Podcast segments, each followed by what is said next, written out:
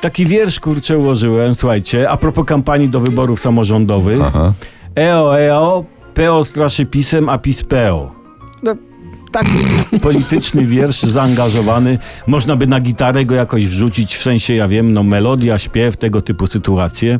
No i ewentualnie refren. Jedzie polityk na billboardzie, billboard pod nim hasa, a polityk dogląda swojego billboarda. Właśnie z inicjatywy PO Polskę ruszył konwój, jak to PO nazwało, wstydu PiS z hasłem na ruchomych billboardach, wiecie, no, tych, tych co wisiały. PiS wziął miliony, a coś tam, coś tam, typu jest drogo i źle.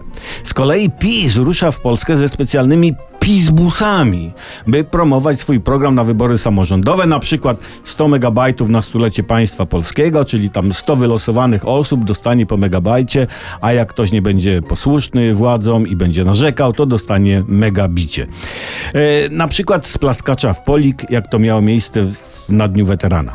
I to całe bractwo, słuchajcie, będzie się tłuc po Polsce, wydając nasze ciężko i niechętnie oddane pieniądze z podatków.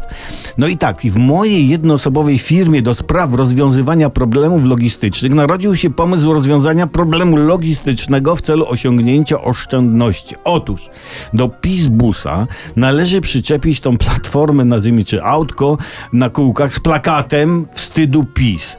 I oni będą sobie jeździć razem.